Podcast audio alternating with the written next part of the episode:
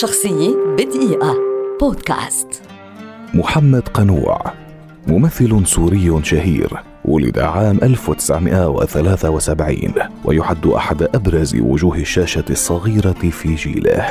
ينتمي لأسرة فنية عريقة فقد كان جده عازفا لآلة الترومبات الموسيقية وكان أعمامه هاشم عمر وأحمد فناني مسرح عملوا في مسرح دبابيس تحت اسم الفرقة الفني الأخوين قنوع. أما والده فهو المخرج الإذاعي مروان قنوع الذي يعد من الجيل المؤسس لفن التمثيل ومن رواد المسرح في سوريا وأحد الأعضاء المؤسسين لنقابة الفنانين.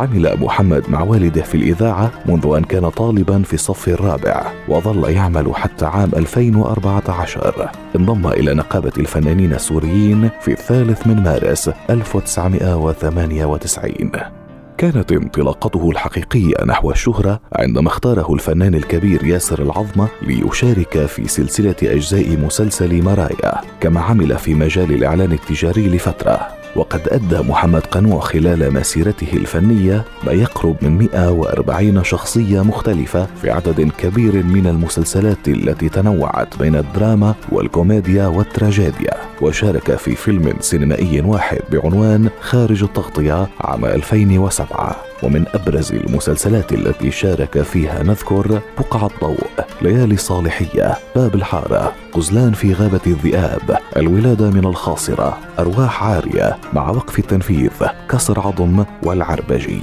في الثاني والعشرين من أبريل عام 2023 فوجع الوسط الفني والجمهور بنبأ رحيل الفنان محمد قنوع في عز العطاء إثر احتشاء في عضلة القلب عن عمر 49 عاما. شخصية بدقيقة.